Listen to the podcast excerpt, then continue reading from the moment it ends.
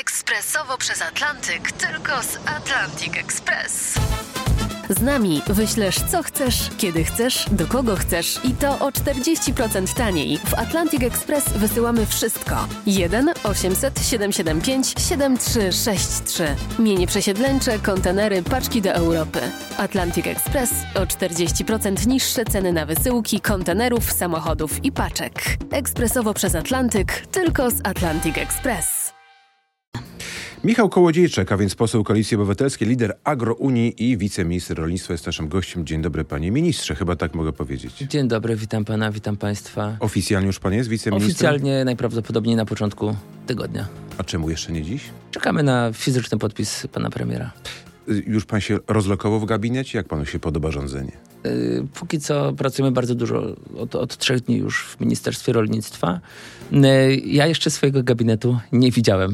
No tak to jest? uszczegółowiając. Pracuje pana jeszcze bez Czekamy gabinetu? na, Ja czekam na oficjalne dokumenty, to jest dla mnie też bardzo istotne i wtedy przechodzimy dalej do, do działań A pierwsze, pierwsze wrażenie jakie są? Pozytywne? Bardzo pozytywne. Pracujemy teraz nad budżetem. Ja wczoraj byłem w Medyce rozmawiać z rolnikami, y, którzy tam protestują w imieniu y, re- resortu i pana y, ministra Siekierskiego, więc wszystko idzie do przodu, Y, a te oficjalne dokumenty to jest rzecz taka drugo, drugoplanowa jednak. Rozmawiał pan z ministrem Siekierskim na temat swojej roli w ministerstwie?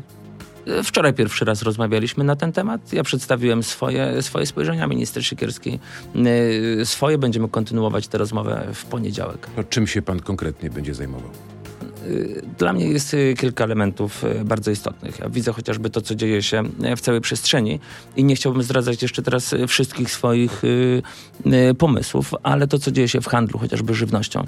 Y, Ja chcę mieć y, na to wpływ, chciałbym trzymać pieczę y, nad tym, y, wiedzieć, jak wyglądają te wszystkie mechanizmy, y, by w jakiejś części odpowiadało to, to za mnie. Dla mnie na pewno część y, kompetencji w kowrze jest bardzo istotna też, która odpowiada y, za kilka dla mnie fundamentalnych, y, fundamentalnych spraw. Mamy bardzo dużo chociażby mowy o ziemi, która jest y, w, w, w, w Skarbu Państwa. A może pan naszym słuchaczom wyjaśnić, co to jest KOWR, bo pewnie nie KOWR to jest Krajowy. Ośrodek Wsparcia Rolnictwa i między innymi Krajowy Ośrodek Wsparcia Rolnictwa w jego kompetencjach jest też ziemia, która należy do państwa, dzierżawa tej ziemi, czy potencjalna y, sprzedaż, zajmowanie się tymi zasobami. Dla mnie to jest bardzo istotne. Jestem od zawsze blisko polskiej wsi i, i polskich rolników i wiem, ile było y, zawsze pytań i wątpliwości, jeżeli o to Ziemia chodzi. tylko dla Polaków? Pamięta pan, jak to poprzedni rząd y, nie chciał, żeby ta ziemia była, mogła być kupowana przez y, no, osobę z zagranicy? Ziemia rolna. Tylko tutaj też należy wyjaśnić, że jednak Prawo i Sprawiedliwość nie utrzymało tego wszystkiego i y, te wszystkie, całe prawo unijne jednak pozwala, pozwala na, na to, by obcokrajowcy byli właścicielami czy dzierżawili ziemię w Polsce. Ja uważam, że ona powinna być w polskich rękach. Powinna być w rękach polskich gospodarzy i tak jak mówi Konstytucja, bardzo często o tym zapominamy, y, podstawą ustroju rolnego w Polsce jest gospodarstwo rodzinne. Rodzinne to znaczy do 300 hektarów. Gospodarstwo rodzinne, to wynikające z Konstytucji, to też takie, które daje utrzymanie wszystkim członkom rodziny. Dziś takich gospodarstw w Polsce możemy ich, je zliczyć naprawdę, jest ich niewiele. Y, Czy ja dobrze rozumiem, że będzie pan starał się wspierać tych rolników, którzy mają mało ziemi, tak? Dobrze zrozumiałem? Czy wręcz odwrotnie? Dla mnie wszyscy są istotni i w, tutaj nie możemy też y, popadać w, pewne, pe, w pewną abstrakcję. Y, Żywność w Polsce zapewniają gospodarstwa y, większe, towarowe, ale nie możemy zapominać o tych y, małych, y, które na przykład mają 2, 3, 5 czy 15 hektarów. One też muszą dawać utrzymanie. Jest to możliwe. Y, Ja się często zastanawiam, dlaczego y, na żywności potrafią zarabiać supermarkety. To są rekordowe zarobki, chociażby Biedronki w poprzednim roku na, y, na handlu, w dużej mierze na handlu żywnością, który jest opanowany przez nią. Ja się zastanawiam, gdzie był resort, gdzie był UOKiK. Tutaj potrzeba wiele zmian. I Kiedy ja mówię o handlu, to mówię też o tym, że kiedy jest ktoś w ministerstwie i za to odpowiada, dlaczego nie zgłasza wniosków do premiera o to, żeby zmienić kompetencje UOKiK-u? Jak dla mnie są zbyt małe. I tutaj chociażby narzędzia prokuratorskie, które UOKiK powinien posiadać, by podejmować szybkie decyzje, by nie tylko mówić, że coś jest złe i o tym mówimy, zgłaszamy to na prokuraturę, sami szybko Tylko, działamy. jak to rozumieć? Prokurator ma ścigać co, ludzi z supermarketów, szefów, tak? Za to, że są być może zbyt wysokie ceny, że rolnicy zarabiają za mało? Kiedy UOKiK w ostatnich latach y, kilka razy wskazał też po działaniach Agrounii y, to, że supermarkety wykorzystują swoją przewagę kontraktową, swoją pozycję na rynku. Y, bardzo często te procesy później trwają nawet kilka lat. Supermarkety raz, drugi odwołują się. To są potężne firmy, które mają dostęp do ogromnych pieniędzy. Jeżeli nie ma ich w Polsce, to, to, to jest to kapitał międzynarodowy i tutaj mogą, mogą trafiać.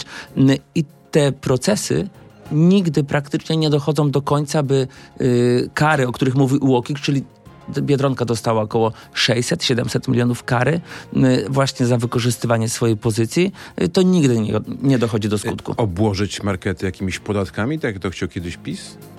Y, raczej wpłynąć na to, żeby żywność była w normalnej, przystępnej cenie i nie zarabiały supermarkety, supermarkety aż tak dużo.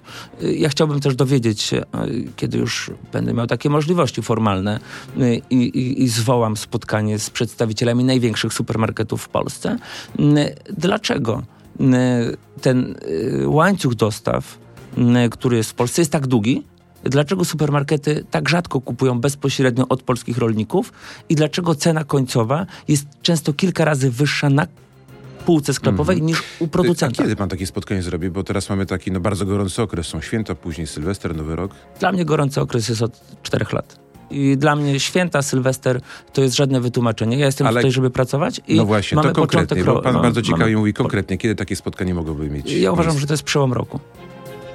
Że to jest przełom roku. Jak pan patrzy na przyjęcie Ukrainy do Unii Europejskiej? że są pewne procesy, których my sami jako Polacy nie zatrzymamy i y, zamiast budować pewne obawy i niepokoje Polaków, budowane tym, że stawiać twarde weto nie przyjmiemy, to będzie niestety strata czasu i musimy, y, musimy zdać sobie z tego sprawę, ale wiemy też, że to będzie proces długofalowy. I, I tutaj już musimy o tym też wiedzieć i raczej przygotować Polskę i Unię Europejską na to, że ten proces mhm. akcesji no to... będzie y, wchodził w, w, w kolejne Sam Michał Kołodziejczak jako wiceminister rolnictwa dziś wypowiedział na Michała Kołodziejczaka sprzed kilku miesięcy, który mówił tak, jeśli są takie zasady jak dziś, to nie jest to w interesie Polski, jeśli chodzi o sprawy gospodarcze, przyjęcie Ukrainy do Unii. To, co dzieje się między Polską a Ukrainą, będzie prowadziło do dużego konfliktu gospodarczego i społecznego. Panie redaktorze, powiem nawet więcej. Te, te słowa były powiedziane już po wyborach, z tego co ja pamiętam, albo podobne powiedziałem. W obecnej w obecnej konstrukcji y, tych układów politycznych i gospodarczych Oczywiście to jest bardzo nie na rękę y, polskim rolnikom, polskim przedsiębiorcom. No to co zrobić? Zrobić jakieś obostrzenia na stałe, tak żeby ten import był w jakiś sposób albo regulowany, albo obostrzony, albo w ogóle, żeby, żeby go nie było? To teraz kilka faktów. Rolnictwo na Ukrainie jest zdominowane przez około 95 gospodarstw rolnych, w rękach których to są holdingi, to są wielkie firmy, w rękach których jest połowa ziemi rolnej na Ukrainie. Yy, to jest wielkość, na przykład jedno gospodarstwo, wielkość pięciu, sześciu powiatów w Polsce. Yy, właści- yy, takie holdingi są właścicielami linii kolejowych, yy, są właścicielami potężnych holdingów, o których my w Polsce nie mamy wyobrażenia. No coś tam to... wiemy, także są to holdingi zagraniczne, holenderskie, amerykańskie, brytyjskie czy słuchacze są w stanie sobie wyobrazić gospodarstwo rolne, które jest właścicielem linii kolejowej, na przykład y, z Warszawy do Wrocławia y, i jest wielkości kilku powiatów? Czyli krótko mówiąc nie mamy szans, tak? I dlatego musimy zabezpieczyć nasze interesy, na przykład tak jak zrobiły to Niemcy, kiedy Polska wchodziła do Unii Europejskiej. E, wtedy rynek pracy został dla Polaków zamrożony na 8 lat. Był, była tylko pewien, o, pewna ilość e, pracowników, która mogła być zatrudniona w Niemczech. I dzisiaj my już musimy mówić o tym, że na przykład produkty rolno-spożywcze z Ukrainy, te surowe i przetworzone, e, mają nie trafiać do Polski przez na przykład 20 lat po wejściu Ukrainy do Unii Europejskiej. Jak szczegółach to rozwiązać, o tym już powiemy w internecie. Michał Kołodziejczak jest naszym gościem. Przypomnę, lider Agrounii, poseł Koalicji Obywatelskiej i wiceminister rolnictwa formalnie już od poniedziałku, ale nieformalnie od kilku dni. Czekamy, słuchamy. Do zobaczenia. No to panie ministrze, jak to zrobić konkretnie, tak? Bo rolnicy są, protestują w medyce, pan u nich był wczoraj, pewnie jeszcze będą niejedne rozmowy. E, pewnie jak pan e, nawet zagasi ten spór, bo oni, tam chodzi o cukier, prawda, w medyce. Ale w medyce są... chodzi tak naprawdę o trzy postulaty, które już w dużej mierze są spełnione. E, rolnicy, którzy stanęli na, na, tor, na, na drodze w, w medyce mówią, żądają doraźnych dopłat do kukurydzy. Przedwczoraj minister Siekierski podpisał dokumenty, które zostały wysłane do Komisji Europejskiej o to, żeby miliard złotych było przeznaczone na dopłaty do kukurydzy.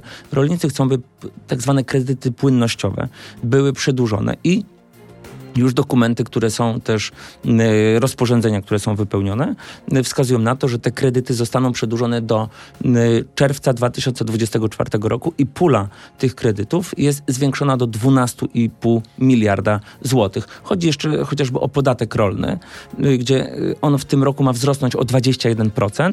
Rolnicy mówią, by on został na poziomie z roku poprzedniego, bo nie ma takich tak naprawdę argumentów, by on był podniesiony do, do góry. I tutaj resort stoi na, na straży y, praw interesów rolników i wypowiada się dokładnie tym samym głosem jak, jak oni. Co zrobić w przyszłości? 20 lat to jest bardzo dużo. Myślę, że nikt z Brukseli na to nie pozwoli. To Bruksela, naszym zadaniem jest to, by przekonać Unię Europejską, Komisję Europejską, przysłowiową Brukselę, yy, rolnicy, rolnictwo ukraińskie jest w stanie zdestabilizować yy, bezpieczeństwo żywnościowe w każdym kraju Unii Europejskiej. Jeżeli chcemy uzależnić się od produktów z zagranicy, możemy to zrobić.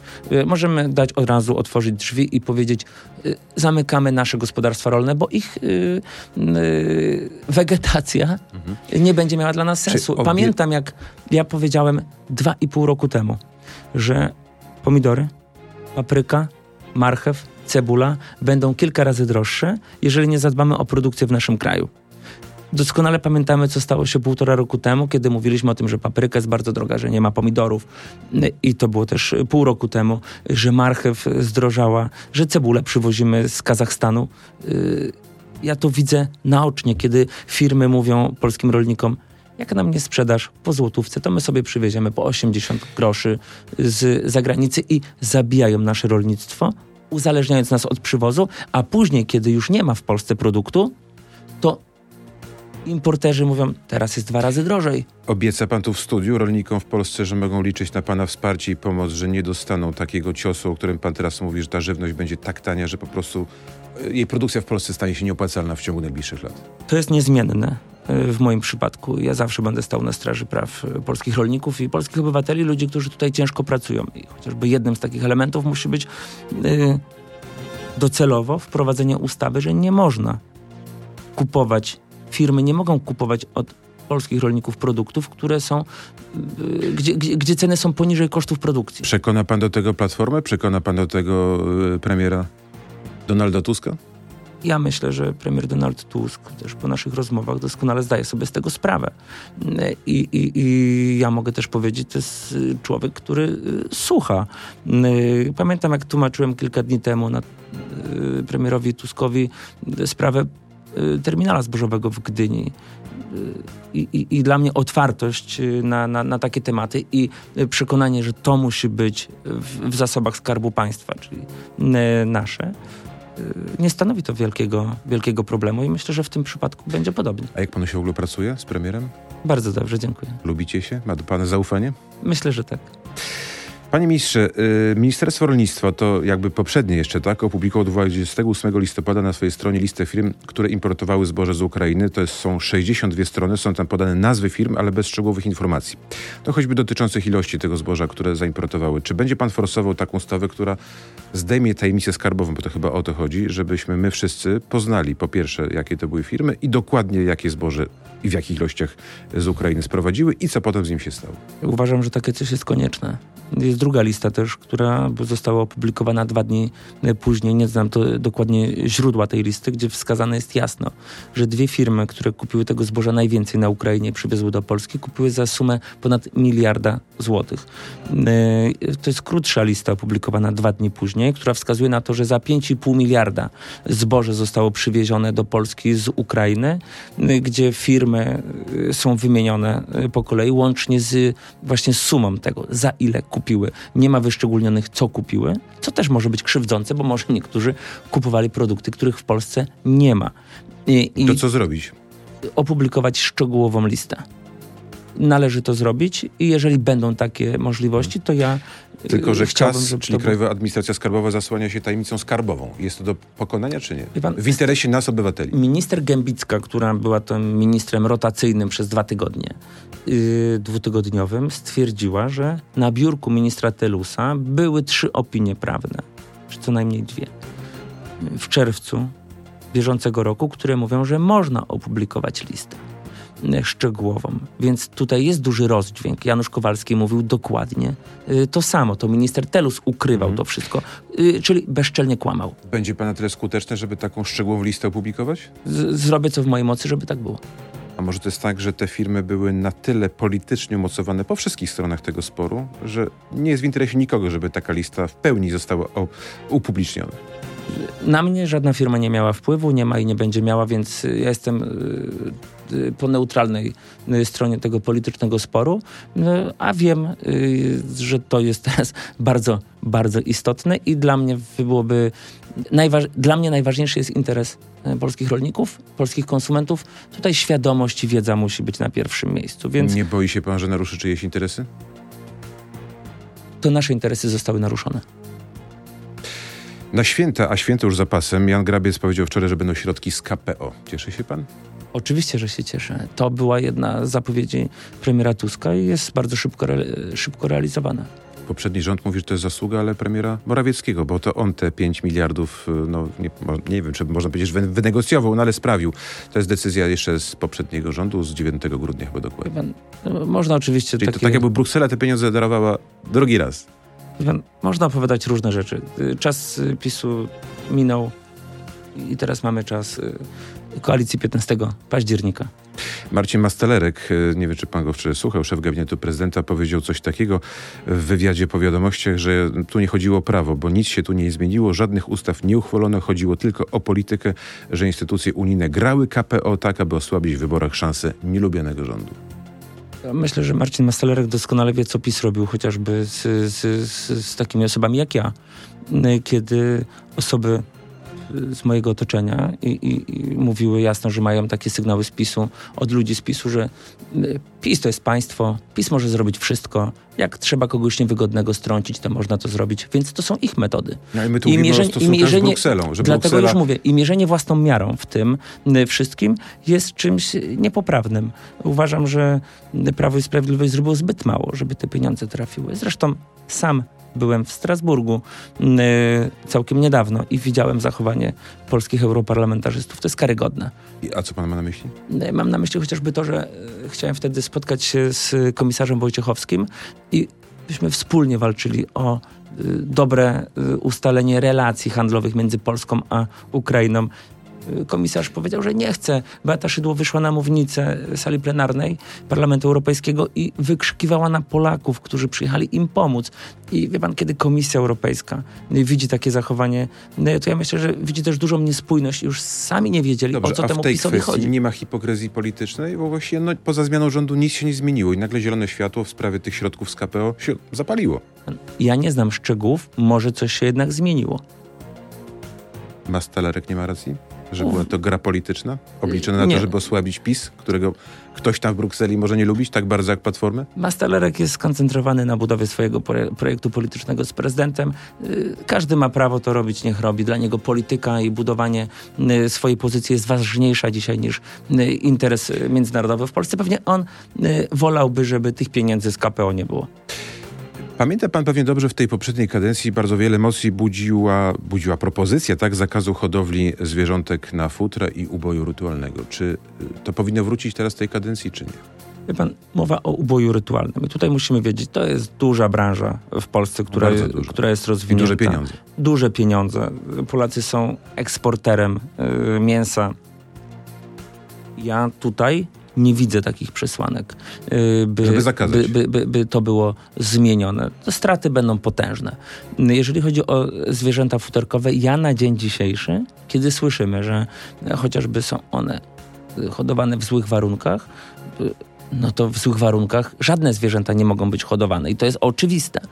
Y, Jeżeli mówimy o, też o potencjalnym wyłączeniu czegokolwiek, jakiejkolwiek gałęzi y, gospodarki, to musi to być zaplanowane na, na wiele lat do przodu. I ja wiem, że y, jeżeli ktoś robi jakikolwiek biznes i słyszy, jakie jest chociażby nastawienie społeczeństwa do, do danego tematu, to, to musimy tutaj podejmować takie decyzje, które To- nie będą uderzały w tych, którzy swoje pieniądze zainwestowali Czyli w robienie danego Zak- zakaz biznesu. na razie nie, ale wygaszamy powoli, tak, tę branżę? Ja nie, ja, ja, tak nie, ja tak nie powiem. Ja uważam, że to musi być otwarcie dialogu, jeżeli chcemy wprowadzać pewne zmiany w Polsce. I ja nie podpiszę się dzisiaj pod tym, by powiedzieć, że zamykamy jakąkolwiek y, branżę hodowli zwierząt. Za chwilę stanie wszystko na głowie. I ja się tego obawiam. Do niedawna ktoś, kto hodował kilka świń, był człowiekiem normalnym. Dzisiaj słyszymy, że świnie można hodować tylko w wielkich fermach, które są w Polsce coraz bardziej popularne. I, i, i, i to będzie prowadziło do, do tego, że ludzie będą bali się hodować jakiekolwiek zwierzęta.